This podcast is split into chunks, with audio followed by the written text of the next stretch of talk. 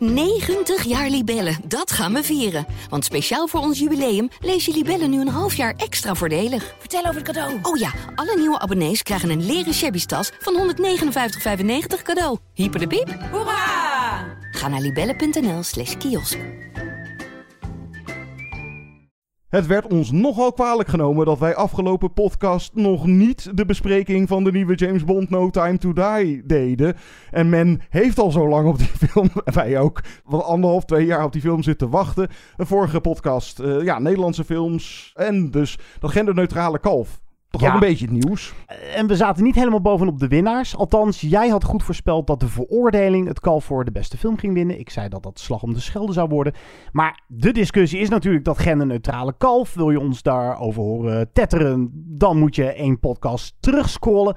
En ik riep nog met mijn grote wal van er gaat natuurlijk een vrouw winnen. Want ze kunnen het niet maken om een vent te laten winnen. Maar wat blijkt, geen actrice ging met een kalf naar huis. Jorik van Wageningen beste bijrol en Vetja van Huwet voor beste hoofdrol. Allebei uit de veroordeling. En een mogelijke reden waar ik althans nog niet bij stil had gestaan, verwoordt René in een mailtje wat zij stuurde naar movieinsiderspodcast.gmail.com met de titel Genderneutraal kalf onzinnig. Ze schrijft: Er zijn veel meer vrouwen dan mannen die aan zo'n stemming meedoen. Hetero vrouwen zijn natuurlijk vol van een man, ergo een mannelijke acteur.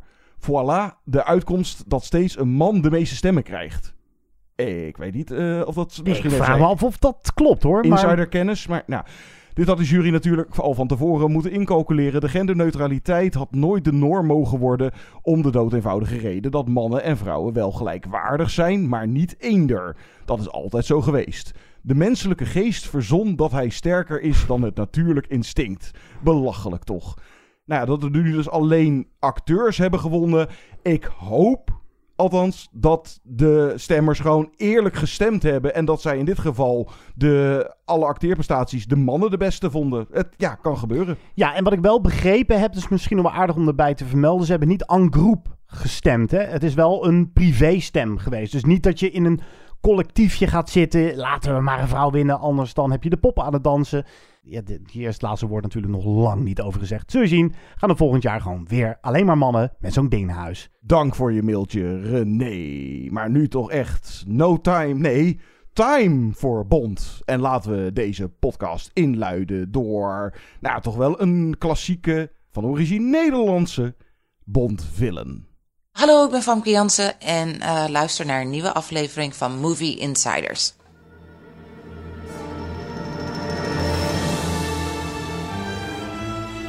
Good evening, ladies and gentlemen. We are tonight's entertainment. Movie Insiders. Why should I waste my time listening? Because I have a right to be. I have a voice. Groovy. Hallo allemaal, welkom bij Movie Insiders. Dat is de wekelijkse filmpodcast van het AD, die je ook kan vinden op platforms als Spotify en Apple Music. Mijn naam is Guido. En mijn naam is Bond. James Bond. Eh, of John, ook goed. Een van de meest iconische introducties van een karakter in de filmgeschiedenis. De allereerste keer dat toen gespeeld nog door Sean Connery James Bond in beeld verscheen. En dus die onsterfelijke woorden sprak. We eindigen deze podcast met een top 5. Je, hij is al niet zo heel lang, maar iconische introducties. Maar het mogen duidelijk zijn dat we deze podcast vooral in het teken laten staan van de bekendste geheimagent James Bond 007. Met straks, nou, ik heb die hele reeks terug zitten kijken. Wat nu dus in, bij elkaar opgeteld 25 van die films. Mijn god. Ik heb er wel even een paar maanden voor genomen. Maar nou, dus dan kan jij mij ook even een eh, quizje afsteken van eh, wat moeilijke vragen. En wat dingetjes die me zijn opgevallen. Beste, slechtste Bondfilms. Eh, we staan straks nog heel kort even bij de franchise stil. Oh ja, en tussendoor. Hier moeten we het ook nog even over hebben. Wij zijn ja, de movie insiders. Maar zo af en toe een serie als alles en iedereen het erover heeft. Squid Game. Momenteel de populairste serie op Netflix uit fucking Zuid-Korea nota bene. Nou, dat is iets bijzonders. Daar moeten we het sowieso even over gaan hebben. Maar eerst na, nou wat zeg ik, bijna twee jaar hebben we zitten wachten. Er kwam iets van een pandemie overheen. Wordt dit eh, een review to a kill? Hier is hij dan eindelijk. No Time to Die. James Bond. License to kill. In love with Madeline Swan. I could be speaking to my own reflection. Only your skills die with your body. And life is all about leaving something behind. Isn't it? Come on, Bond. Where the hell are you?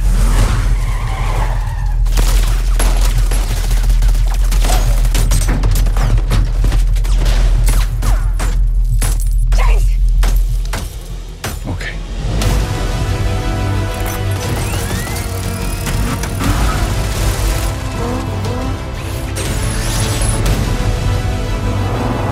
If we don't do this, there will be nothing left to save.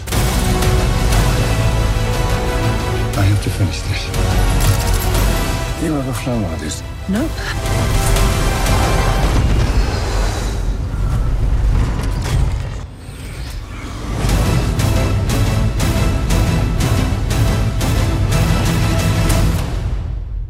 Voor alle duidelijkheid, wij gaan niet spoileren totdat de spoilergong klinkt. Voor de luisteraars die No Time to Die al gezien hebben, je moet het even over het einde hebben, toch op zijn minst lijkt me. Maar daar zullen we je van tevoren, ruim van tevoren, voor waarschuwen. Dat spoilerdeel. Eerst dus, zonder iets te verklappen, de nieuwe Bond die werd geplaagd door rampspoed. Het was niet alleen een virusje dat er overheen ging, maar ook een regisseur die ineens opstapte. Danny Boyle, je zou het bijna vergeten. Danny Boyle, de regisseur van onder meer Slumdog Millionaire en Trainspotting, die vertrok na creatieve meningsverschillen. En aan boord kwam Carrie Fukunaga, die we vooral kennen, denk ik, van True Detective, het eerste seizoen.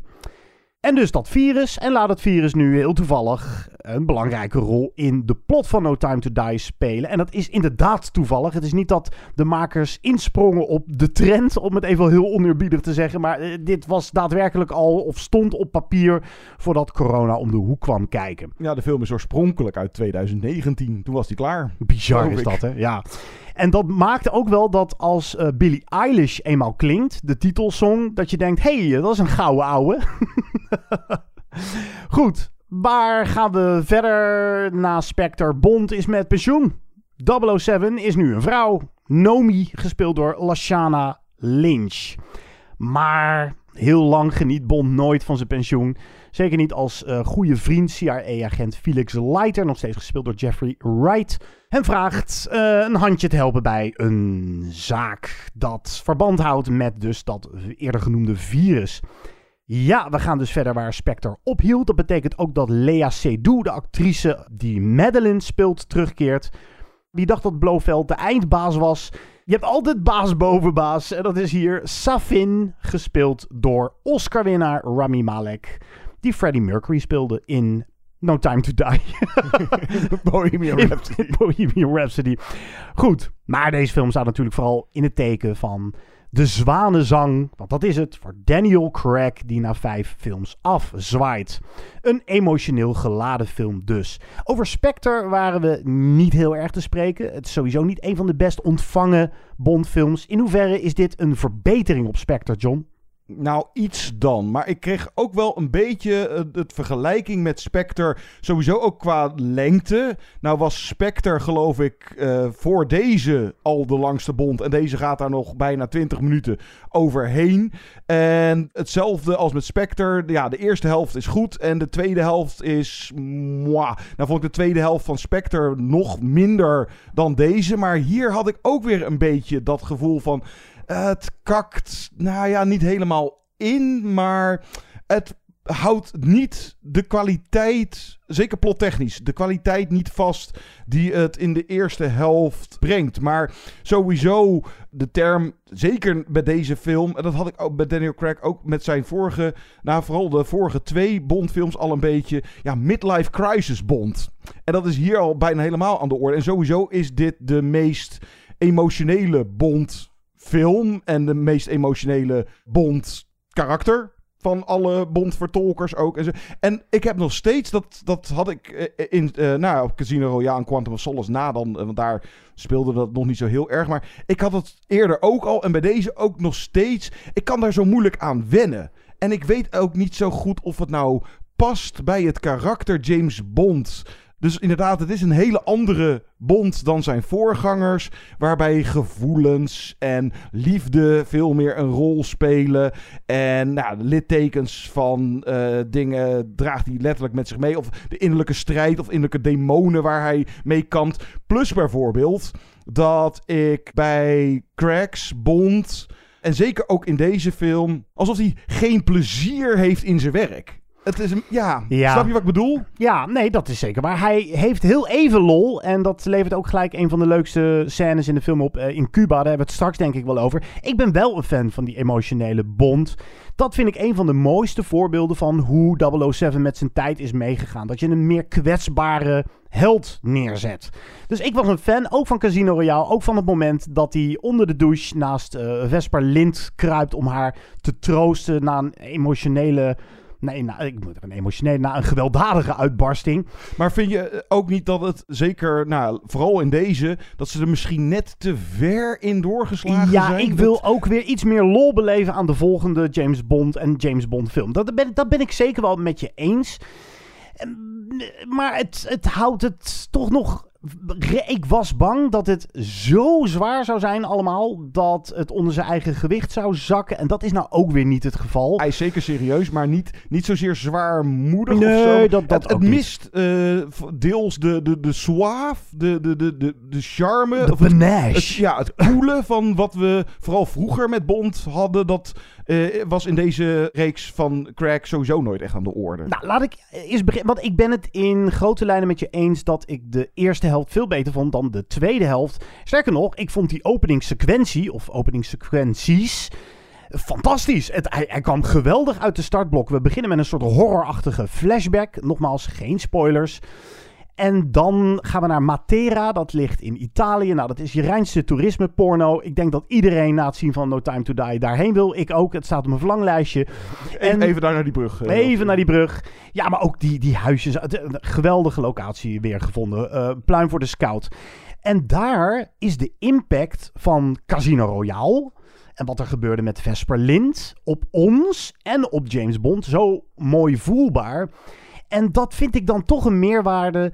Ik vind het niet altijd fijn dat we nu de marvelisatie hebben van Bond. Dat je uh, de verhaallijn doortrekt. Het waren vroeger altijd veel meer dan nu in ieder geval losstaande hoofdstukken. Maar hier vond ik het wel een meerwaarde dat je aan James Bond merkt wat dat met hem heeft gedaan. En dat dat redelijk is doorgetrokken in de films die na Casino Royale volgden. Hier wordt hij echt geplaagd door wantrouwen. Ja, hij is getekend voor het leven. En dat wantrouwen levert een, een prachtige hoek op voor de rest van No Time to Die. En dat vond ik, uh, vond ik heel sterk. Ja, dat wantrouwen, omdat, nou, spoiler, maar iedereen heeft Casino Royale natuurlijk wel eens gezien. Uh, Vesper een dubbele agenda had. En hem, nou ja, niet, ja, niet zozeer verlinkte, maar in ieder geval, uh, of nou, Bad Girl ook niet zozeer, maar... Nou, Onder druk heeft ze hem verlinkt. Zoiets, ja. ja. En vandaar dat hij Madeline ook niet vertrouwt. Maar daar speelt ook van alles dat zij, nou ja, een beetje in het web van uh, Spectre ver, uh, verwonden was. Verweven. Uh, verweven verwonden?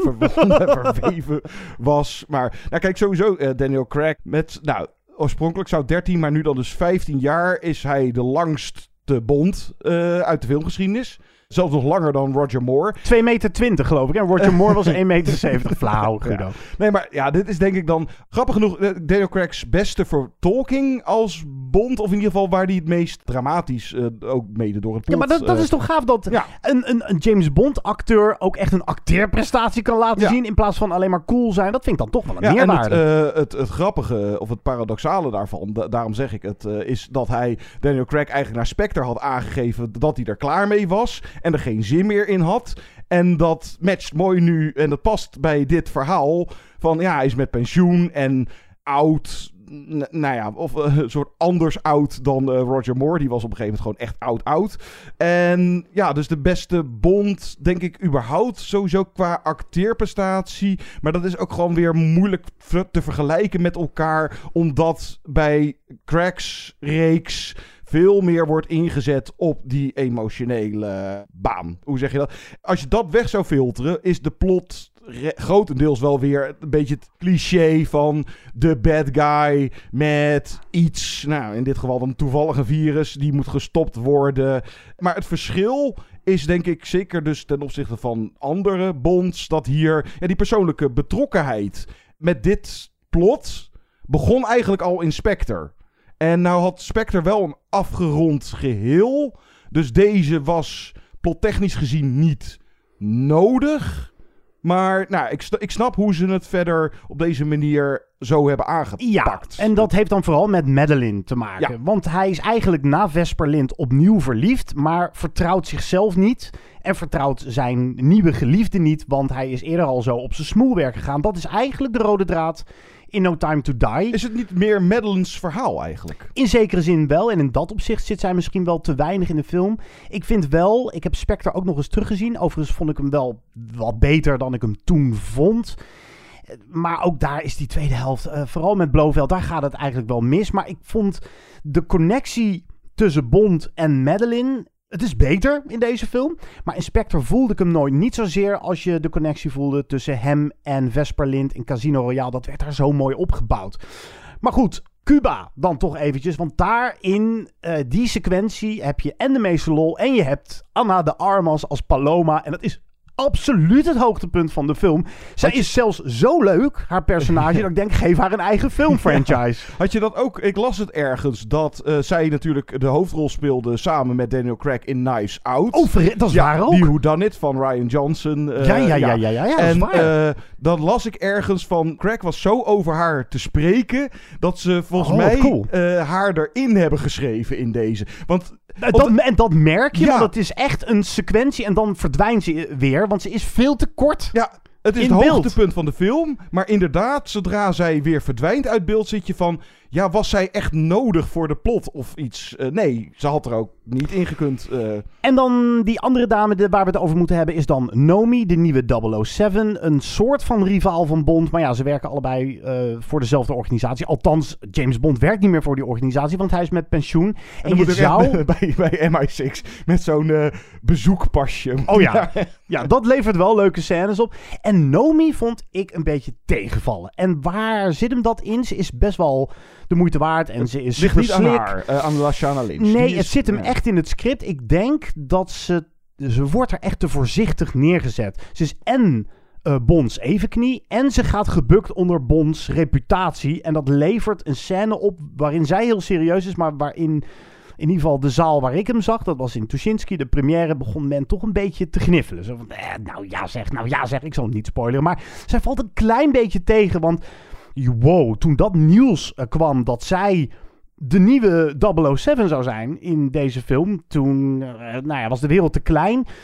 En, En nu ja, dat je de film ziet, oh, ze heeft alleen zijn nummer overgenomen. Ja. ja, hij is met pensioen, dus dan is zijn nummer beschikbaar. ja, maar ze is ook gewoon niet boeiend genoeg als personage. Ah, ze is net niet goed genoeg uitgewerkt in deze film. Maar nogmaals, het ligt echt niet aan haar. En trouwens, wat je nog zei over eh, nou, een beetje gniffelen. Wat maar er zitten een paar aardige grapjes en leuke one-liners in. En dat is de verdienste, denk ik, van Phoebe Waller-Bridge. Die er ook bij het schrijversclubje bij is gehaald. Zij is bekend van Fleabag, die serie. Geweldige En, serie. Ja, dus ik denk de leukste grappen die komen uit haar pen. Ja, en ook die grapjes vinden vooral weer in en rond Cuba plaats. En weer rond Paloma, eh, want het, het- dat is toch wel leuk. Dat hebben ze toch wel goed gedaan, de makers. Bond is de womanizer en denkt iedereen, alle vrouwen om zijn vinger te kunnen winden. En dat lukt gewoon deze keer niet. En dat is wel een mooie post-MeToo situatie. Waarin hij aan Paloma vraagt: Zijn we nu in jouw slaapkamer? Dat is heel droog. Zegt: This is a wine cellar. Dat vond ik eigenlijk de leukste, de leukste opmerking. Ja, en dan, John, moeten we het hebben over, wat mij betreft, de slechtste Bondschurk eh, sinds Robert Carlyle in The World Is Not Enough. Ja, hij komt... Nee, het werkt niet. Het Rami werkt niet. Malek als Safin, omdat... Nou, überhaupt... Maar dat had ik met Blofeld ook al. Inspector. En hier... Ja, er gaat gewoon geen of bijna geen dreiging van deze man uit. En dat komt doordat... Het, het is ook weer te veel een karikatuur geworden. En zijn motivaties zeker later in de film zijn me ook niet helemaal Nee. duidelijk van wat... Maar het zit hem ook, denk ik, John. Ik weet niet of jij dat ook had. Maar bij mij zat ook de irritatie dat de gebeurtenissen in Spectre. waarin we toch even het idee hadden. dat je bij de eindbaas eindelijk was beland. Want dat zag je ook in Spectre. Hij stuurde Javier Bardem, de schurk uit Skyfall, aan. De schurk uit Quantum of Solace aan. eh, Le Chiffre uit Casino Royale. En dat wordt weer zo makkelijk de plomp ingegooid. omdat er weer een schurk boven staat. En Ja, of boven of eh, aan de zijkant staat of zo. ja, zoiets. Maar het wordt wel heel makkelijk weer terzijde geschoven. En dan moeten we deze man ineens weer als het ultieme kwaad gaan beschouwen. Het werkt gewoon niet.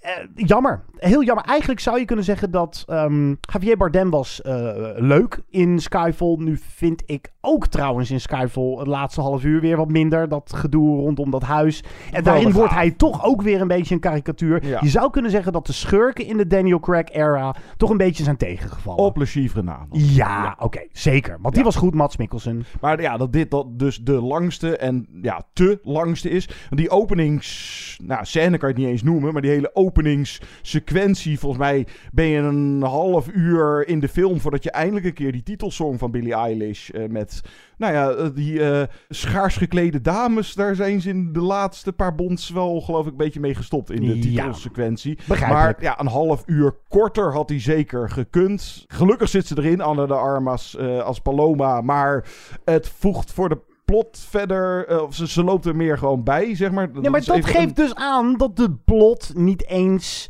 Daarvoor ga je niet eens echt naar Bond. Je gaat voor sequenties die bijna losgeknipt kunnen worden. Zoals in Cuba met Paloma. Daar beleefde ik de meeste lol. Ik hoop dat dat ook blijft hangen. En dat de makers, eh, hoe heet ze ook weer, Barbara Broccoli en Michael G. Wilson, dat zijn nog steeds, nou, dat zijn de echte eindbazen van Bond, dat zij dat doortrekken in eh, de volgende film. Wat ik ook vond is, in Casino Royale had je die geweldige parcours scène. Je had in Skyfall die waanzinnige eh, Shanghai scène in die torenflat. Je had in, nou, zelfs Spectre, toch een mindere Bond-film, had je nog die gave chase in Rome. Zit er nou in No Time to Die een actiescène die je altijd zal bijblijven? Ik vraag me af. Er zitten goede stunts in, maar ze duren een paar seconden. Maar niet echt een sequentie dat je denkt, wauw, dat... Ja, eigenlijk- voor, ja. actie, voor actie moet je tegenwoordig bij Mission Impossible zijn. Ja, nou eigenlijk alle actiescènes en nou überhaupt gewoon eigenlijk de regie en de effecten, het camerawerk en nou noem het allemaal. Het is allemaal prima, maar niet inderdaad eh, iets wat er daarvan echt bovenuit springt. Ja, de finale, eh, dat duurde ook weer te lang en Het werd een beetje een first-person shooter hoor, ja, eh, ook aan het eind. dat hem. En ja, teleurstellend. Ja, toch wel. En dat zat ik me ook nog af te vragen van... Zou dat nog een rol spelen dat we hier misschien gewoon te lang op hebben moeten zitten wachten of zo? Ja, Nou, dus ik denk toch wel dat we met z'n allen heel erg veel zin hadden in een grote, dikke blockbuster.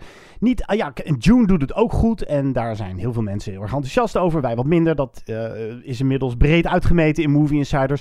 Maar ik, voor, ik heb het idee dat iedereen het heeft over Bond momenteel. En dat het eh, wel echt een onwijze knaller gaat worden. Dit is wel wat ze hadden gehoopt. En, en het of dat deels komt door eh, de... Nou, twists eh, gaan we het zo over hebben. Daar maar- gaan we het zo over hebben. Maar je kan, en dat mag echt ook wel eh, meewegen in je eindoordeel. Het is wel een keer. Ja, er zitten dingen in die je ja, al eindeloos vaak hebt gezien in Bond. Maar het heeft wel. Nou, kloten niet. Het, het, heeft, het heeft balletjes. Laat ik het. Ja, het heeft balletjes het omdat het ja, net. om te breken met het schabloon. ja. net voldoende. En dat is dan, daar zal deze film denk ik wel om herinnerd worden van, oeh, dat was wel, je kan zeggen wat je wil van die Bondfilm No Time to Die, maar het durfde in ieder geval wel wat. het wordt tijd voor wat spoilers. We gaan je de tijd geven om deze podcast of te fast forwarden. Je ziet altijd een tijdstabelletje op ad.nl, de site staan. Dan kun je precies zien waarin we nou, weer verder gaan met deze podcast. Wat de volgende hoofdstukjes en de volgende films zijn die we gaan bespreken. Maar nu toch echt het spoilerdeel, het einde vooral van No Time to Die. Na de gong, John, aan jou de eer. Hier is de stok.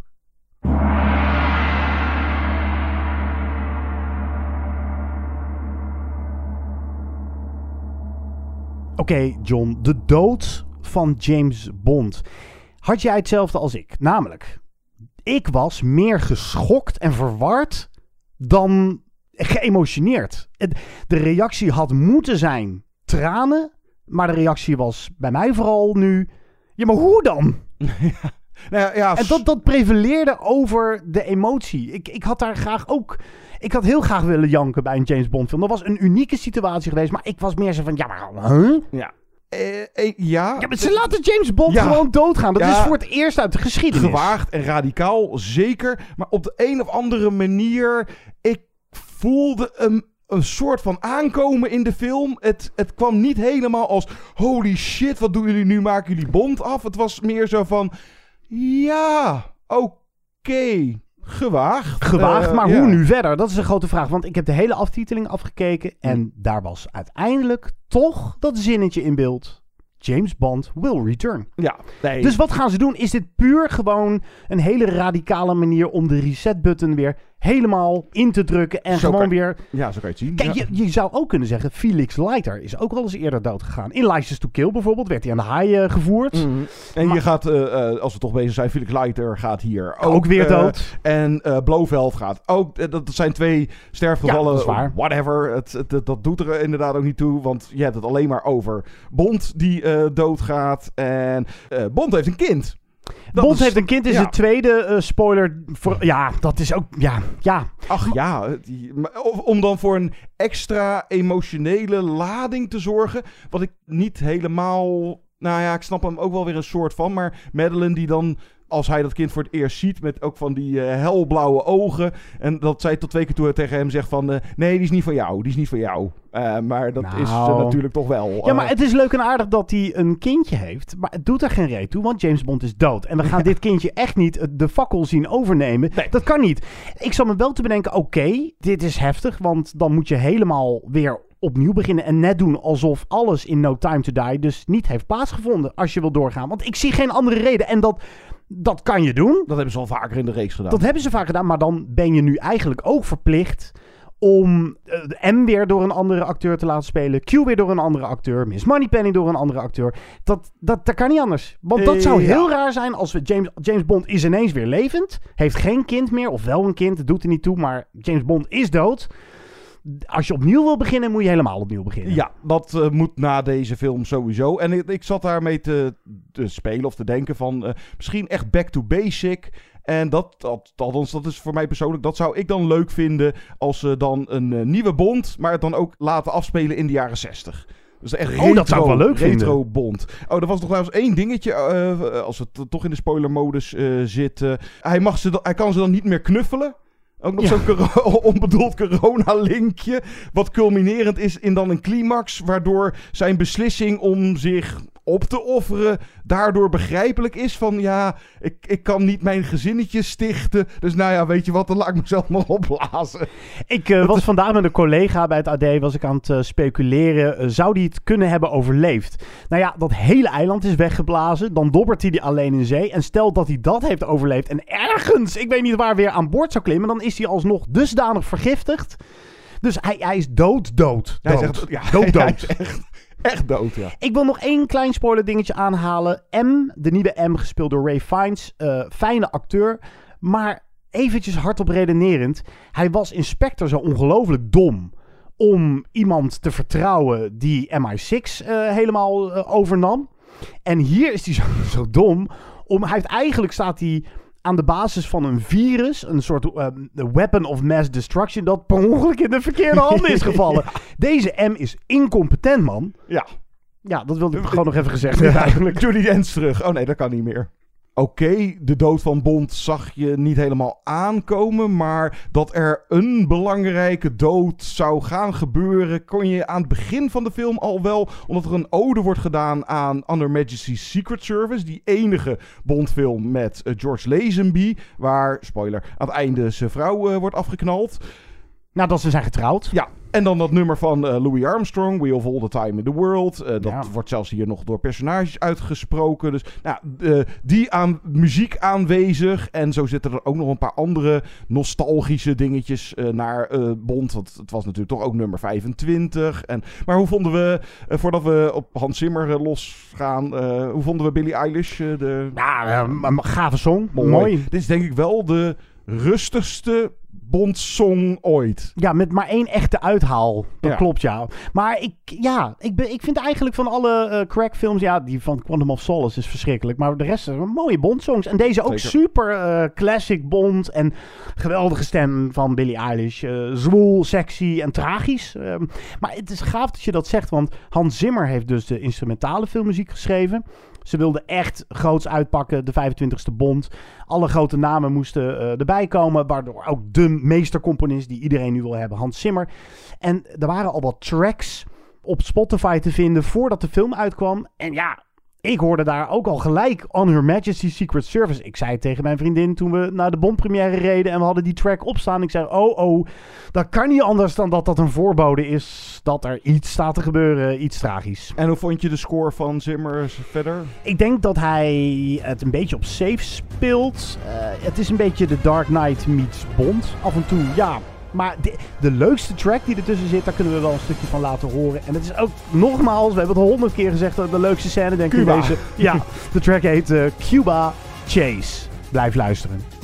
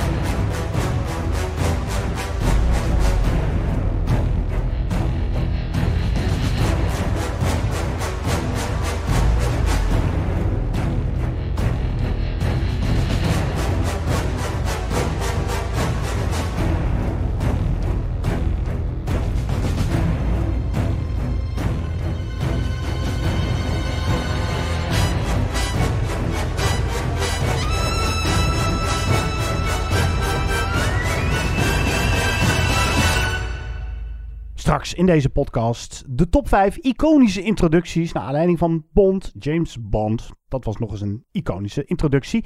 En we staan kort even stil bij de Netflix-hit uit Zuid-Korea, Squid Game. Maar eerst, ja, nog even door op Bond. John, jij bent zo idioot geweest om ze allemaal weer eens terug te zien. Eén, heb je daar eh, enige lol aan beleefd? En B, wat kun je in algemene zin zeggen? Wat is je opgevallen na deze kijkbeurt, herkijkbeurt? Nou ja, lol aanbeleefd, eh dat verschilt heel erg per deel. De een wel en de ander niet. Hoeveel En, eh, procent is eigenlijk de moeite waard van die hele franchise? Niet, niet heel veel, eh, minder dan de helft. Het is echt, ja, sommige was echt even een, nou, zeker Pierce Brosnan op GoldenEye na. Dat was echt een straf om even doorheen. Taaie kost. Oh mijn god, en die Roger Moore zijn ook allemaal zo, er zitten een paar oké tussen. Ja, wat is me vooral opgevallen? Nou ja, wat we al volgens mij sinds we deze podcast doen altijd al geroepen hebben, is dat James Bond is wel altijd met zijn tijd meegegaan. Maar dat heeft als nadelig effect dat het ook weer een tijdsproduct is. En mega gedateerd is. Ja, mega ga- gedateerd. Dus nou ja, eh, dan zag je duidelijk van... oké, er waren films uit de jaren 60 of uit de jaren 70 of, of 90. En dat zie je dan niet alleen terug in nou, bijvoorbeeld de special effects en de stunts en dat soort dingen. Maar ook in toon, want dat verschilde ook heel erg per decennium en per bondvertolker. Maar bijvoorbeeld ook ja, normen en waarden. Hoewel daar nooit zo heel erg de nadruk op lag. Maar je kon het altijd wel een beetje uitfilteren dat die in de jaren 60, 70 anders waren dan nu. En de verbeelding van vrouwen, de vrouwenverheerlijking vooral natuurlijk. Maar aan de andere kant, dat viel me dan ook wel weer op, is dat je door de hele Bondreeks heen heb je altijd al wel verschillende soorten Bondgirls gehad. De damsels in distress, de agentes, de bad girls, vooral in de films van Pierce Brosnan, en de neukertjes. Die had je er ook tussen zitten. Ja, ja, Ja, het is gewoon zo, ja. Kijk, de evolutie van de Bond-franchise met de nou ja, vaak niet eens zo enorme, maar vaak wel wat kleine verschillen en dan steeds eh, verder. Het was niet dat de ene op de andere Bondfilm opeens radicaal anders was, maar bijvoorbeeld dat je van het begin naar later, het werd steeds minder spionage en meer actie. Maar aan de andere kant, dus de verschillen, het tegenovergestelde, viel me juist ook wel weer op. Dat ja, het is allemaal heel veel van hetzelfde. En sommige zijn echt gewoon inwisselbaar. Zeker ook van die clichés. Echt niet iedere Bondfilm, maar bijna allemaal. Een megalomane bad guy die iets met de wereld wil doen of wat dan ook. James Bond die daar natuurlijk even op de thee uh, gaat en even babbelen.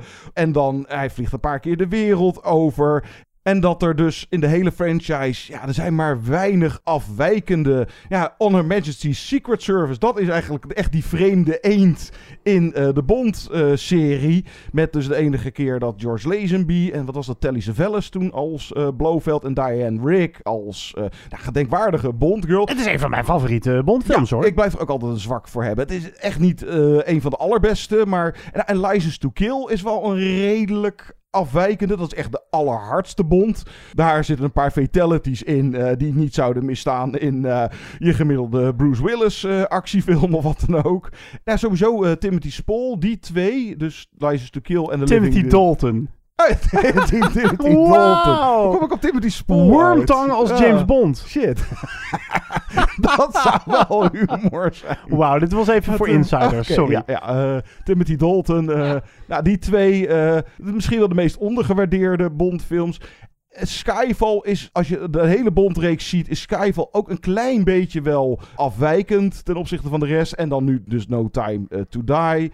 Maar nou, de, de beste blijf ik nog steeds. Dan kom, ja, dan kom je het eh, toch uit bij nou, Sean Connery. Dan From Russia With Love is nog steeds de mijn favoriet in ieder geval. Of eh, nog steeds net aan dan de beste. En Goldfinger is ook eh, fantastisch. En dan Daniel Craig, Casino Royale. Dus dat ik zeggen, From Russia With Love, dan Casino Royale. Dan doen we Goldfinger, dan Skyfall. En dan... En, en dan een hele tre tredes Nou naar ja, beneden. Dr. No is ook nog wel Ja, goed. ja. En wat is het? nou, de meeste Secret Service, de beste van Roger Moore, Spy Who Loved Me. Maar wat is de slechtste? Nou, de slechtste, dan kom je dus uit bij Roger Moore. Dan heb je het over Moonraker en A View to a Kill. Dat, nou, toen was het inderdaad inmiddels echt bejaarde Bond. Volgens mij was die man nog net geen 60. En dan Pierce Brosnan, The World Is Not Enough en Die Another Day. Die twee zijn, hoewel er af en toe nog wel aardige actie en aardige stunts. En Halle Berry is nog wel oké in Die Another Day. Maar nou, die, ah, die met Pierce Brosnan. En Quantum of Solace is Hmm. Een van de allerslechtste. Mm, het is gewoon sowieso de minste van Crack. En ook wel een van de minste Bondfilms. Maar dat komt omdat. Dat is dan weer de kortste Bondfilm. Minus aftiteling duurt die geloof ik maar een uur en 40 minuten. En die film is echt kapot gemonteerd. Ja, wat, is, da- ja, wat is daar misgegaan dan? Ja, in de editing room. Ja, dan dachten ze van eh, een beetje mee te gaan ook in die trend van toen Jason Bourne films en met hele vlugge montage. Maar moet je die film maar weer eens aanzetten, Quantum of Solace. Je kan blijkbaar een film ook kapot monteren. Doordat je niet eens als kijker de kans hebt om te zien. Weer kat, kat, kat, kat en eh, zo- switch, switch. swi- eh, nou, Kapot niet, bij- ja, niet te volgen. Jij hebt ze allemaal weer gezien. Dan wordt het tijd voor een James Bond quizje. Ze gaan niet allemaal eh, specifiek over de films, maar ook overkoepelend. Eh, dus wat is je Bond kennis? Ik heb een paar vraagjes en die zijn volgens mij ook best leuk voor de gemiddelde Bond fan kijker. Oké, dan heb ik er zo ook nog een paar algemene bondkennis voor jou. Ah, leuk. Nou, Ian Fleming, dat is natuurlijk eh, de schrijver van de boeken. Daar begon het allemaal mee. Die heeft zelf ook gewerkt aan een script voor wat, wat hem betreft, eh, dat had de eerste James Bond film moeten worden. Welk 007 boek van Ian Fleming was dit? En naar welke regisseur stuurde hij het script eind jaren 50 om hem te gaan maken? Voor een bonuspunt.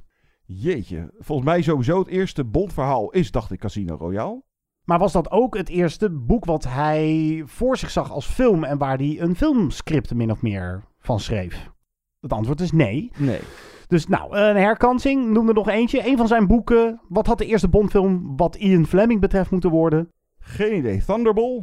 Ja! Ah, oké. Hé, hey, dat is een goede gok Ja. gewoon dan. Ja, ik zat sowieso... Het moest wel iets van eh, Sean Connery zijn. Maar welke regisseur? Weet je? Kubrick. Alfred Hitchcock. Hitchcock. Hitchcock. Wow. Dat is echt waar, ja. Ik heb laatst een heel artikel gelezen in The Guardian of The Independent, weet ik even niet meer. eh, over ja, Hitchcock en Bond. Dat is nog een heel ding. Dus nou, vond ik grappig. Ik was even benieuwd of je dat, eh, of je dat wist. Hitchcock eh, die heeft nooit geantwoord eh, op die mail, of die post moet ik zeggen, van Ian Fleming. Want hij werkte aan een andere film, het bescheiden meesterwerkje Psycho. Goed. In welke twee films raakt Bond gewond door een afgevuurd wapen? Och. Meerdere schotwonden mogen ook. Even denken. Volgens mij... Timothy Dalton raakt een keer gewond. Is dat in The Living Daylights? Nou, in ieder geval Daniel Craig. Schotwonden hebben we het over. ja. Daniel wordt- Craig ja, in... wordt eh, Skyfall. Wordt die, eh, Yep, maar dat we is één. een andere film ook nog neergeschoten, dacht ik. Nou ja, hij, mm, we mogen niet spoilen, maar in No Time to Die eh, heeft hij ook nog wel een verwonding.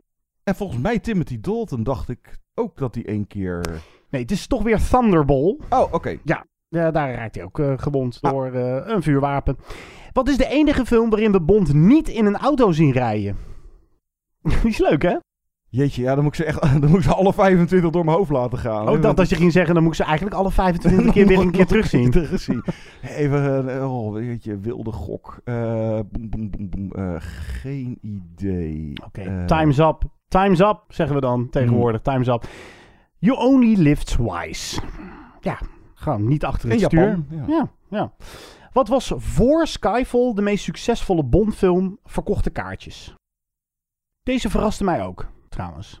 Een van de Pierce Brosnans, denk ik. Of, Het is Thunderball. ook weer Thunderball. Ook weer Thunderball. Ja, Oké. Ik vond het wel grappig dat, eh, om Thunderball veel aan te halen. Want dat is de Bondfilm die iedereen vergeet. Maar het is toch een, eh, hele, hele succesvolle Bondfilm toen Ja, geweest. en waar de ja, niet-officiële Bond eh, Never Say Never Again een remake van is. Juist.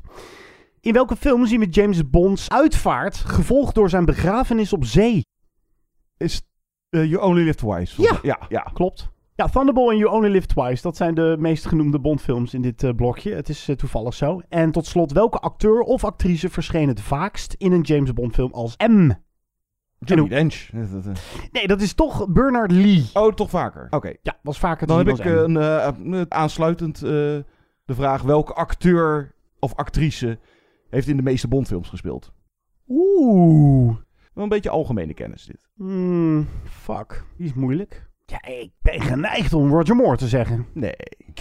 Desmond Llewellyn. Desmond Llewellyn als Q. Ja, en dan volgens Ah. mij nummer twee is Lois Maxwell als Miss Moneypenny. Oh ja. En dan zal eh, Bernard Lee misschien nummer drie kunnen zijn. Ja, Judy Dench. Nou, dan Bernard Lee misschien net één of twee keer meer. Mhm. Oké, deze moet je wel weten. Eh, Het is algemene bondkennis. Eh, in welke film is James Bond even in Nederland? Diamonds Are Forever. Ja, in Amsterdam, zien even een gracht. Maar dat, dat is. In de lift, toch? Ja, zoiets. Ja, iets, eh, de, eh, hele iets in een lift. Ja. En dan eh, deze. Welke bad guy verandert in een good guy? Oh, die is leuk zeg. In de tweede film. Misschien dat je hem dan weet. Oh, dan weet ik het. Ja, ja, ja, ja, ja. Dat is Jaws Ja. in Moonraker. Die krijgt een vriendinnetje in Ja. Moonraker. Met dat beugeltje. Ja. Oh, dat is zo slecht. Deze moet jij toch weten. Jaws, kom op. Jaws. Ja. Ja. Hé, maar ik heb hem goed. Ja, en oh, dat, deze vind ik nog wel even kort interessant om eh, te vermelden. Maar dat is de, nou, de acteur is dan Joe Don Baker. Die speelt de bad guy in The Living Daylights. En dan is het, kijk, een jaartje of zes later, dan is hij opeens dezelfde acteur, is een CIA-agent in eh, GoldenEye en Tomorrow Never Ja. Dies met eh, Pierce Brosnan. En zo is er nog een gevalletje, maar dan gaan we terug naar de tijd van Sean Connery. Dan is de acteur Charles Gray, die speelde heel kort een, een of ander geheim agent contact in You Only Live Twice. En die speelde dan in Di- Diamonds Are Forever, is hij Blofeld. Dus Nee, joh. Ja, tot twee keer toe een acteur die eerst een, of een good of een bad guy en later dezelfde acteur een andere rol. En nou, als je ze allemaal gaat zitten terugkijken, dan is het verwarrend zo van... Daar is nog wel een andere, andere acteur voor kunnen nemen. Ik zeg in de volgende Bondfilm speelt Judy Dench Moneypenny. Wat denk je ervan? Helemaal voor. Ja, No Time to Die doet wat gewaagds binnen de muren van het James Bond schabloon. Weet je welke film, of wel, nee, welke serie iets gewaagds doet? Squid Game. Daar heeft iedereen het momenteel over. De Netflix-hit uit Zuid-Korea. Nou, luister maar waar, waar die over gaat. Dit is een stukje trailer. 지금 이 자리에 계신 여러분들은 모두 감당할 수 없는 빚을 지고 삶의 벼랑 끝에 서 계신 분들입니다. 게임에 참가를 원하지 않는 분은 지금 말씀해 주시길 바랍니다.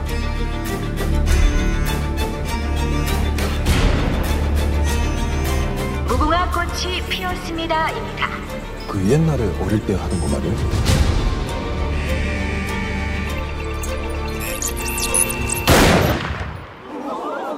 Ja, Squid Game. Momenteel de populairste serie op Netflix. Sowieso uh, is dat bizar dat er een Zuid-Koreaanse serie wereldwijd weet ik niet, maar in ieder geval hier in Nederland de best bekeken is op Netflix. En we hadden het, wat was het gisteren, voor de voorbereiding van de podcast al over. Ja, bij ons beiden hing het al op de radar, want wij doen over het algemeen als movie insiders uh, niet aan series, maar zo af en toe. En ik kijk ook niet zo heel veel series, want ik heb al veel te veel tijd uh, ben ik kwijt met films kijken. Ja, nee, same hier, same ja, hier. Maar dit inderdaad, ik had er ook van gehoord en iedereen heeft het erover. Ik ben er pas net aan begonnen. Want ik had zoiets van, ook voordat we het er nu over hebben, ik wil even in ieder geval ervan geproefd hebben. En ja, kort samengevat, het gaat over een man van eind 40 die zwaar in de schulden zit.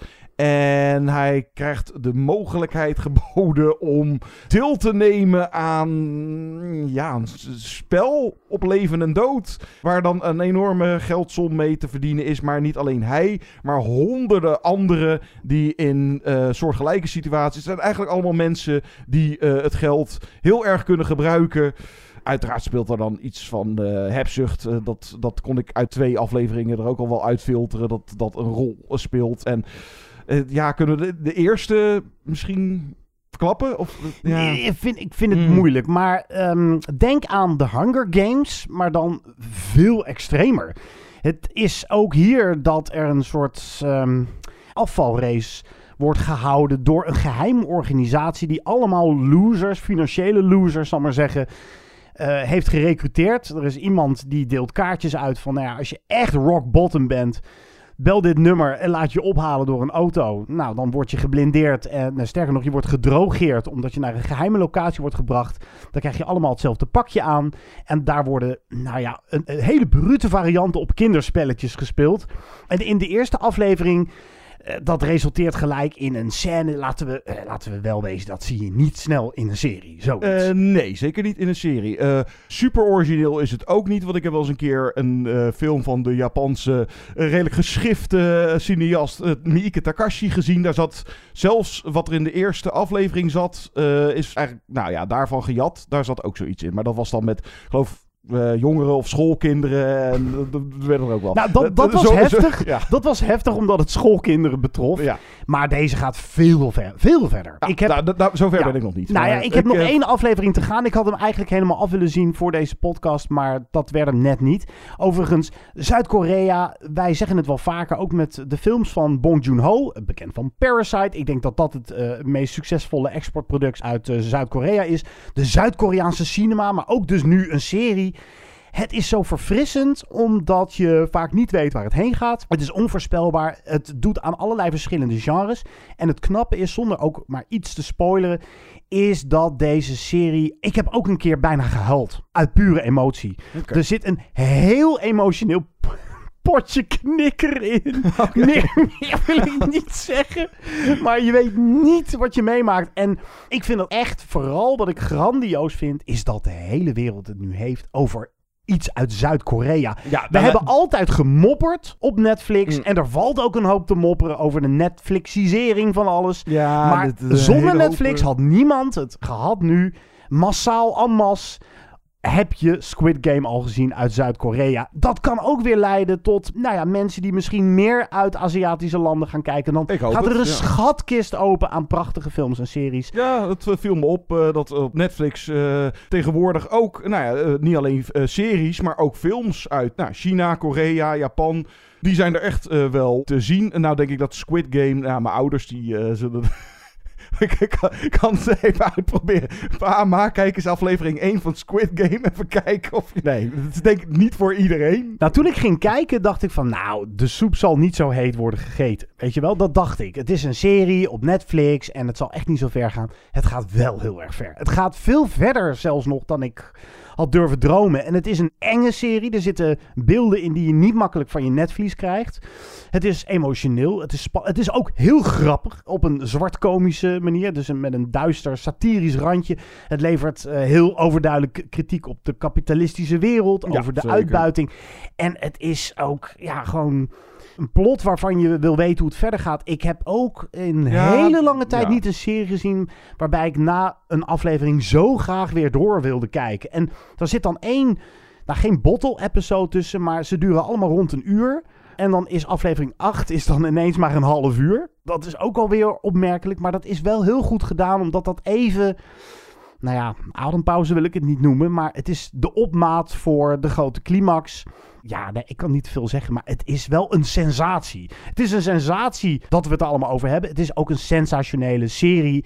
Dit wordt een klassieker. Ik las vandaag een interview met de maker. Die zei, ja, ik ben al sinds 2009 bezig met de ontwikkeling van deze serie. En ik heb me altijd heel erg onzeker gevoeld. Het is zo'n extreem concept.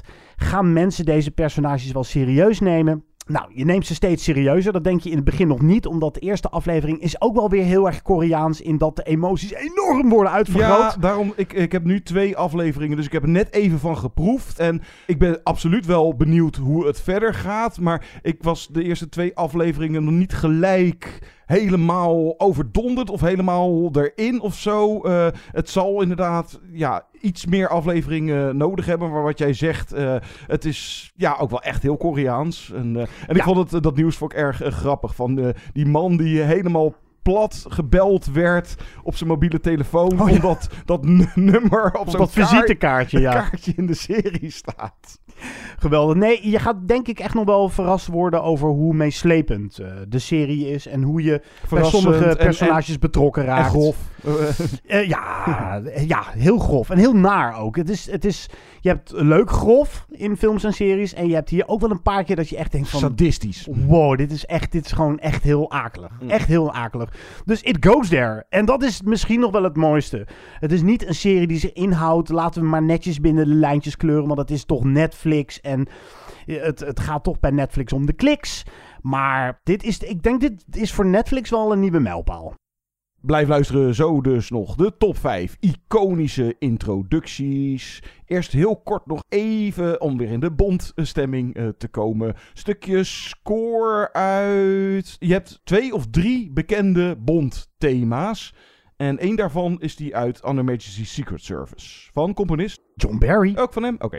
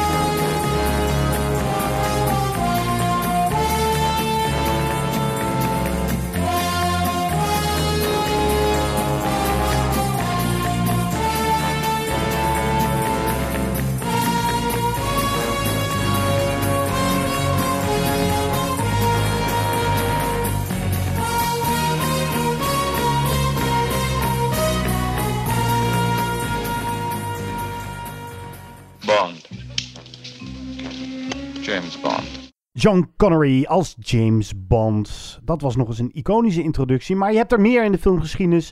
Een mooie aanleiding voor een leuke top 5. Die iconische introducties. Er zijn een paar inkoppertjes en een paar die ik al googelend tegenkwam en dacht: oh ja, dat is ook eentje die het vermelden waard is. Genoeg keuze in ieder geval. Ja, keuze zat. En ik zat ook nog wel heel erg te denken van... moet het per se dan ook een personage zijn... wat dan een hele filmreeks of zo... dat je die voor het eerst... Nou nee, hoeft niet per se. Het Nee, hoor. gewoon, eh, het kan ook eenmalig eh, zijn. En voor... Zal ik beginnen? Ja hoor. Ja, mijn nummer 5. Nou ja, dat is eh, als je de goede iconische introductie kan bijvoorbeeld ook zijn dat het personage komt in beeld en er is eigenlijk direct al duidelijk wat voor personage het is. Aan de hand van eh, nou, details, eh, van nou, hoe die eruit ziet qua kleding. Eh, ik, ik doe even een ex-equo. nou, als ik voor een Popiopi eh, keuze... Jack Sparrow. De introductie van eh, Johnny Depp. als Geweldig. Jack Sparrow in, eh, wat is dat, Pirates of the Caribbean, The Curse of the Black Pearl uit 2003. Nou ja, eerst zie je hem vanaf zijn rug en dan eh, de camera van voren. Maar hoe hij gekleed is, op die mast staat, in dat zink. Je denkt eerst van, nou, ik kom op een enorm schip, maar het blijkt een zinkend bootje te zijn. En nou, hoe hij dan afstapt, ook op die kade, dat is echt... Dat is echt een iconische introductie. Wat gelijk ook al aangeeft wat voor personage het is. En dan nog even een klassieker er tegenover zetten. Seven Samurai van Akira Kurosawa uit 1954. De Japanse meesterwerk. Nou ja, de, de, de Seven Samurai, er zijn er meerdere. Maar de allermooiste is wel eh, de door Takashi Shimura gespeelde Kanbei.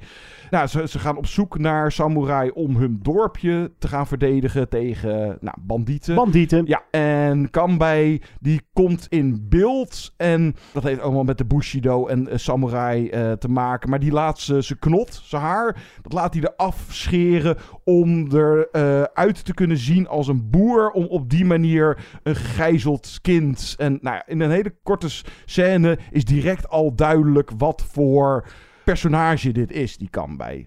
Maar bijvoorbeeld dus ook Jack Sparrow. Het, eh, zonder woorden, gewoon even met die muziek erbij. Ja, En, ja, eh, ja, nou, ja. Die, die kent iedereen wel. Die, die- gelijk duidelijk. Oh, dat is, dat is onze piratenkapitein. Mijn nummer 5 is de vreemdste uit mijn lijstje, omdat hij vervolgens ook direct weer zo goed als weg is in de film. Weet je dan wie ik... Eh, misschien. Het is Jesus Quintana in The Big Lebowski. Ik, haak hier niet onderuit. aan Met mijn, mijn nummer 4 is inderdaad... Nou, ik ben gewoon voor Ja? de film The Big Lebowski gegaan. Ja, ook eh, Lebowski zelf. Ja, in de supermarkt, in zijn badjas, met dat Sometimes there's a man. Ja. pak melk even ruiken of het goed is. Maar wat dacht je van Julianne Moore?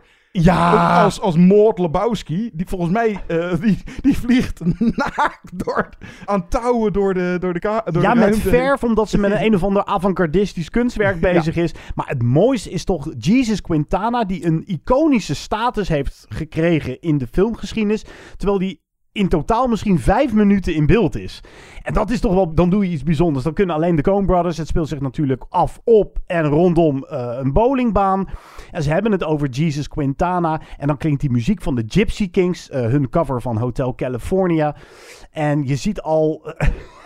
het is geweldig. Die ringen en Die ring. Ja, en dan. hij aan de bal staat te likken. Hij likt met die tong aan, aan de bal, dat haarnetje, dat paarse pakje. En dan in slow motion hoe hij die bal rolt. Die camera die overigens in die bal zit. En dan dat ja, soort dansje. euforische vreugdedansje wat hij doet als hij dan een strike heeft gegooid. En dan krijg je vervolgens iets van de achtergrond van Jesus Quintana eh, En, mee. en, en de blikken van de dude en Donnie en eh, hoe heet hij?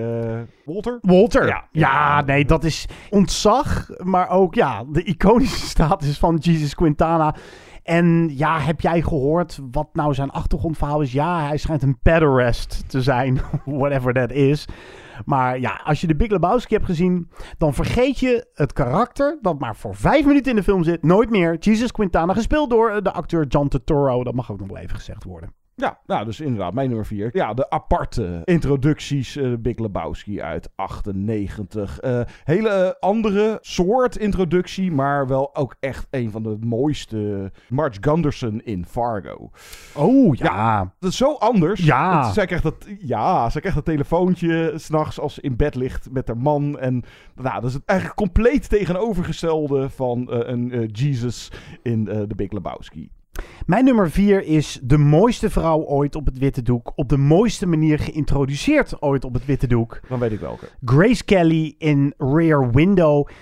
De film van Hitchcock over. Uh, nou, James Stewart speelt een man die. Uh, ja, gebroken been. Hij heeft een gebroken ja. been en hij is immobiel, zit thuis en uh, tuurt de hele dag een beetje uit het raam door zijn verrekijker en ziet daar uiteindelijk een moord gebeuren.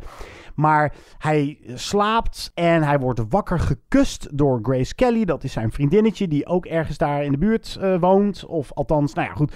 En de manier, ja, ik kan het bijna niet uitleggen, maar de manier waarop haar gezicht in beeld verschijnt is alsof er echt een engelverschijning voor James Stewart zichtbaar wordt en voor ons als kijker. En daarnaast, ja, het, het is zo'n onvoorstelbaar, bijna onmenselijk mooie vrouw ook natuurlijk om te zien. Maar de manier waarop Hitchcock haar belicht en haar uit de duisternis met haar uh, mooie uh, blosjes rode wangen naar voren laat komen, is dat is alleen al een cinematografisch hoogstandje van nou een paar seconden. Ja, ik heb dan uiteindelijk geen uh, vrouwen in deze top 5 staan, omdat, nou ja, dat moet je de filmgeschiedenis voor kennen. Maar meestal als die dan geïntroduceerd werden, dan nou, was echt het sekssymbool. En dan hebben ze alleen een, een, een, een handdoek om of zo, uh, of dat soort dingen. En als ik er dan eentje had gekozen, dan was het ja, niet cliché vrouwenpopje wat in beeld komt, maar Trinity uit de Matrix. oh ja, die even genoemd. Zeker. Zeker. Uh, mijn nummer drie. Uh, dan kom je een beetje bij de categorie uh, de bad guys introductie. En nou, dat is vaak al wel een beetje te merken in de film door nou, de toon die op dat moment, of door de muziek of zo, dat het echt voelbaar is van oké, okay, nu komt er een bad guy. Hans... Landa. Beckert. Oh. Hans Landa, een hele goede eervolle vermelding. Hans Beckert, gespeeld door Peter Lorre in M, het meeste werk uit 1931 van Frits Lang. Ja, dan moet je die film uh, voor gezien hebben of dat clipje even voor op YouTube kijken. Maar er hangt een poster op zo'n zuil. Ja, wie is de moordenaar? Er is een kindermoordenaar in Berlijn en nou, de hele tekst erbij. En er staat een jong meisje met een bal tegenaan te gooien. En dan verschijnt de schaduw van de moordenaar zelf op die zuil. En dan die, die stem van Peter Loren. En die nou, zoiets zegt ze van... Uh, Hallo meisje, wat heb jij een mooie bal. En wat is jouw naam? Nou, gelijk, oh, griezel. Ja, de misschien meest mooie klassieke introductie van een uh, schurk aller tijden. De moordenaar in M. Mooie keuze. Mijn nummer drie is geen mens. Het is een dier. Het Ja. is de T-Rex Ja, ja. uit Jurassic Park. Ja, deze eh, moest ik vermelden. Het is natuurlijk... Ik was zo blij dat ik toen ik Jurassic Park zag... dat ik dacht, wauw, kijk, ja, Steven Spielberg is nog steeds de meesterfilmer uit Amerika. Eh, we hebben Jaws gehad. En dat hij het kunstje nog een keer flikt... Dat hij de spanning zo opbouwt voordat je überhaupt het monster gezien hebt. Anticipatie, dat is wel echt een toverwoord. Voor, eh, Zeker. ja. ja, en dat is hier natuurlijk. eh, Nou ja, die rimpeling in het water. Dat glas water in die auto. Die kinderen die doodsbang zijn. Het regent buiten. Eh, je hoort de trillingen van de voetstappen van de T-Rex die steeds dichterbij komt. Ja, dat is, dat is nog eens iconisch. En hij valt ook niet tegen. Het is nog steeds trouwens. Het moet te maken hebben met het feit dat het een pop is op de set. Hij is enorm groot. Hij oogt nog steeds levensecht. En Spielberg doet dat zo goed door eerst ook alleen dat oog te laten zien dat zo zakt. Wat, dat ze helemaal in dat grote oog kijken aan de andere kant van de autoruit. Ja, classic. Ja, Spielberg heeft er wel eh, meerdere. Ik zal eh, nog geen eervolle vermelding daarvoor doen, want misschien komt er nog wat voorbij. Maar eh, een andere... In jouw lijst of in mijn lijst? In jouw lijst misschien. nou, niet. Dus oh. mag ik hem dan gelijk noemen? Want Quint... Ja, dat ik zat al van de, met de, nagels op het schoolbord. Kijk, het is natuurlijk wel goed om even te vermelden. Welke film dan? Het is Jaws. Mm. Uit Jaws. Quint, het personage gespeeld door Robert Shaw.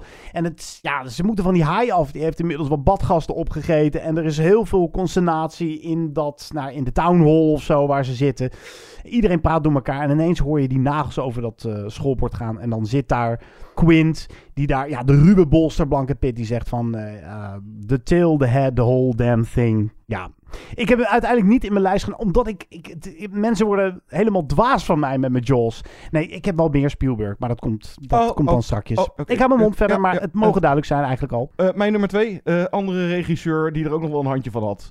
Sergio Leone in zijn spaghetti westerns. Die moeten we echt... uh, we zouden hem als klassieker gaan bespreken. The Good, The Bad en The Moeten we eens doen, hè? Ja, ja, die heeft volgens mij ook uh, dat alle drie de karakters worden... zelfs met freeze frame en toepasselijke muziek worden ze geïntroduceerd. Dus en The Good, en The Bad, en The Ugly. Maar dan ga ik in dit geval naar Once Upon a Time in the West. Frank, de bad guy, gespeeld door Henry Fonda, die heeft ook... En Cheyenne heeft ook zo'n... Maar dan komen we toch uit bij harmonica.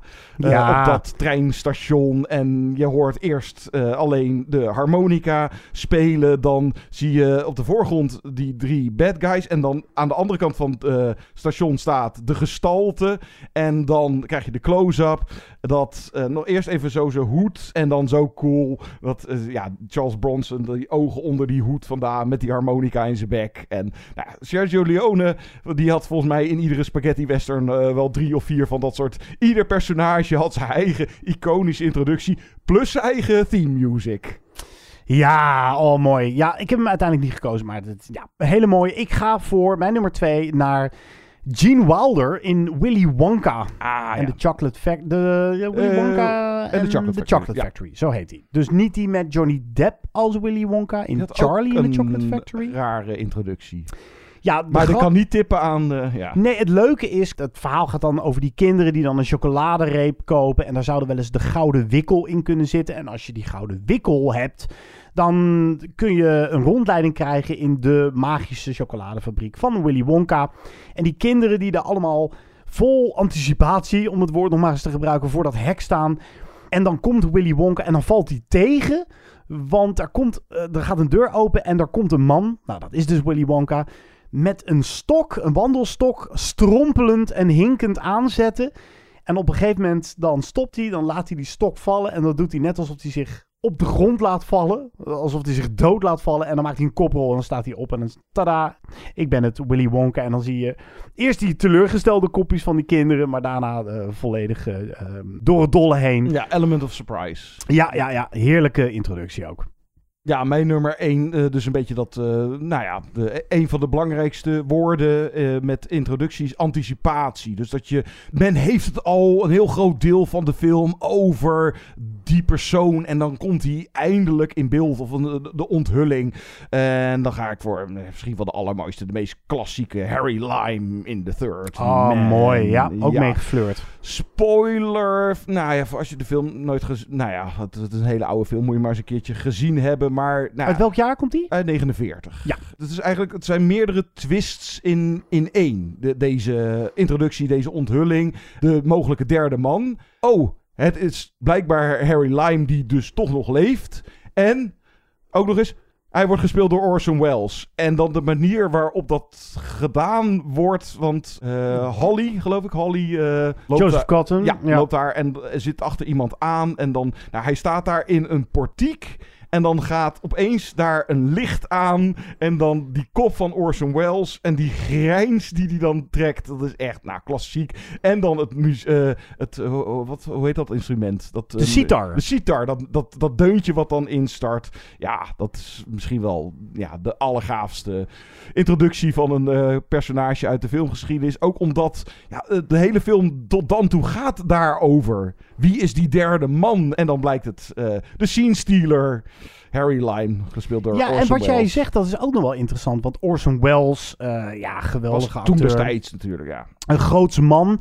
En je had toen nog geen internet, dus uh, spoilers lekten niet zo snel uit. Dus ik denk dat daadwerkelijk heel veel mensen uh, dachten... hé, hey, verrek, daar heb je Orson Welles. Dat zou zomaar kunnen. Ja, mijn nummer 1 is dan toch Indiana Jones. Ah, okay. ja. ja. het is mijn nummer 1 en het is zo iconisch. Het is ook heel vaak geïmiteerd omdat je dan de anticipatie zit hem hier in dat je hem al ziet, maar of op de rug gefilmd, of het is een silhouet dat je hem alleen handen, in de schaduw ziet. Ze, alleen zijn zweep. Een montage van ja, details van het personage zonder dat je daadwerkelijk zijn hoofd gezien hebt. Ja, en dan stapt hij letterlijk en figuurlijk uit de schaduw en dan zie je dat hoofd en dan komt de muziek van John Williams en dan is het Indiana Jones Harrison Ford. Uh, in natuurlijk zijn, zijn eerste filmavontuur, Raiders of the Lost Ark. Jij nog eervolle vermelding? Ik, uh, ik Zeker. Een, een, hele zooi uh, door. Nou ja, dat waar het, uh, wat was dat met nummer 5, waar direct al duidelijk is van wat voor karakter je hebt. Vito Corleone, nou, Indiana Jones. Wat dacht je van Daniel Plainview in There Will Be Blood? Gespeeld dat door Daniel Day-Lewis. Waarin, nou, dat is een hele sequentie van 20 minuten waarin hij geen woord zegt. Maar daarin wordt wel gelijk al duidelijk wat voor ja, karakter het is. Ja, mijn nummer 6 zou dan Omar Sharif zijn in Lawrence of Arabia. Ja, ja, die zo heel langzamerhand, ja, het is bijna een Fata Morgana in de woestijn, uh, komt hij aanzetten en... Sharif Ali. Ja, ja, Sharif Ali is zo'n zo'n schim en dan steeds duidelijker in beeld. En dan heb ik nog staan Hannibal Lecter in The Silence of the Lambs natuurlijk, ja, in zijn cel. Uh, anticipatie en uh, als bad guy. The Joker in The Dark Knight. Dus Hans Landa als uh, bad guy. Nou, Darth Vader kunnen we nog even roepen. Uh, wat dacht je van uh, Bill in Kill Bill? Of L Driver, gespeeld door Daryl Hannah met dat fluitje. Tu, tu, tu, tu, tu, oh ja, die is ook wel goed, ja. En John Doe, Kevin Spacey, persona Juist. grata. Dat was mijn laatste op mijn lijstje. Ja, ja geweldig. Detective roept hij dan heel erg hard. Want hallo, hier ben ik dan. De man daar. je hebt er de hele film naar gezocht en hier sta ik. Oh ja, nog één, zo eentje met anticipatie. Colonel Kurtz in Apocalypse Now. Uh, Marlon ja. Brando. Ja. En uh, Orson Welles, uh, Citizen Kane, uh, nou ja, eerst Rosebud. En dan krijg je zo'n hele montage van het leven van... Nou, dat is ook goed, je karakter introduceren. Voor mensen die er graag beeldmateriaal bij hebben... ga dan naar YouTube en dan 10 Best Character Introductions of All Time van Cinefix is die. Daar zitten, nou, allemaal weet ik niet... maar het overgrote deel van onze keuzes wordt daar ook... en dan heb je er ook beeldmateriaal bij. Tot zover deze aflevering van Movie Insiders. Ik hoop dat jullie tevreden zijn en eindelijk jullie No Time to Die discussie hebben gekregen. Of het uh, naar wens was, dat weten we niet. Wij kregen best wat kritiek naar aanleiding van onze Dune-recensie, waar we erg kritisch op waren. We zijn behoorlijk kritisch over No Time to Die, dus laat van je horen of jullie het met ons eens zijn of niet. Kom op met die kritiek. Ja, dat kan op verschillende manieren. Je kan bijvoorbeeld een e-mailtje sturen naar movieinsiderspodcast.gmail.com. Je kan met ons twitteren, at movieinsight. We zijn ook te vinden op Facebook en Instagram. Volgens mij uh, uh, raken we in ieder geval voorlopig niet uitgepraat over No Time to Die. Maar ik, ik, ben er nu persoonlijk wel een beetje klaar mee. Ik heb ook heel voor het AD heel veel verhalen geschreven. Ook wat we niet eens hebben aangehaald in deze podcast. Moet James Bond nu door een vrouw worden gespeeld? Of door een zwarte acteur? Worden Hadden Idris we- Elba? Ja, vorige podcast hadden we daar nog een jee of nee stelling over. Klopt. Van, ja, mag eh, Bond wel of niet een vrouw worden? Luister die dan dus ook terug. En andere afleveringen ga bijvoorbeeld dus naar ad.nl. En bij iedere podcast eh, of ieder bericht van ons kan je dan... De playlist staat eronder, kan je alle oude afleveringen terugluisteren. Of op Spotify of op Apple of her en der. We zijn overal te vinden. Wat gaan we de volgende keer doen? In ieder geval de nieuwe film van Paul Verhoeven. Benedetta. Dat, zijn, eh, ja, dat is die film over die lesbische nonnen. Ja, gelukkig wonen we niet in Rusland. Nee, want daar is die verboden, hè, Ja, geloof ik. eh, ja, dat is eh, uiting van de... Of promotie van homoseksualiteit. Dat kan niet, hè? Dat, dat mag echt niet. Ik vond het wel onwijs gaaf om hem te kunnen zien op het filmfestival van Cannes. Want over anticipatie gesproken. Oeh, de nieuwe Paul Verhoeven gaat hier in wereldpremière. En dan ga je er met z'n allen heen. En dan dat geroezemoes. Maar of we het valt vinden, dat hoor je volgende week. Wat gaan we nog meer doen in die aflevering? Oh, dan kijken we nog wel even. Vind ik een goed plan. Ja. We kijken nog wel We even. zien wel, joh.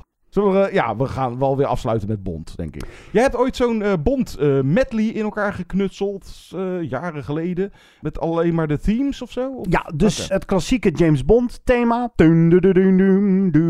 En dat door de jaren heen. Dus ik heb het zo achter elkaar gemonteerd. Ik ben er een keer een dag voor gaan zitten. Was een erg leuk klusje. Om te laten horen hoe niet alleen Bond in de films. En qua look en feel. En qua plot en schurken met zijn tijd meegaat. Maar ook in de muziek. Dus je hoort de evolutie in vijf minuutjes van de Bond theme. Eh, klassiek gespeeld met trompetjes tot eh, versie dat je iemand achter een draaitafel hoort scratchen bij Die Another Day. Volgens mij is het leuk om die nog eens aan te zetten en deze podcast mee af te sluiten. Ik ga een wodka martini drinken. Tot de volgende keer. Ga je hem roeren?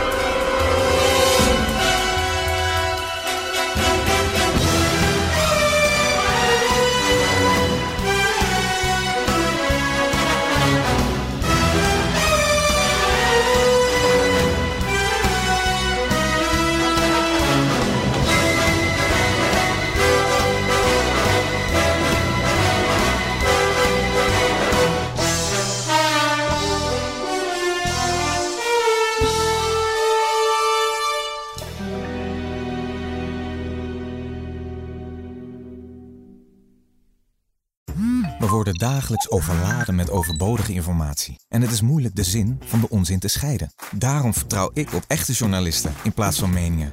Een krantenmens heeft het gemakkelijk. Word ook een krantenmens en lees je favoriete krant nu tot al zes weken gratis. Ga snel naar krant.nl. Bezorging stopt automatisch en op deze actie zijn actievoorwaarden van toepassing.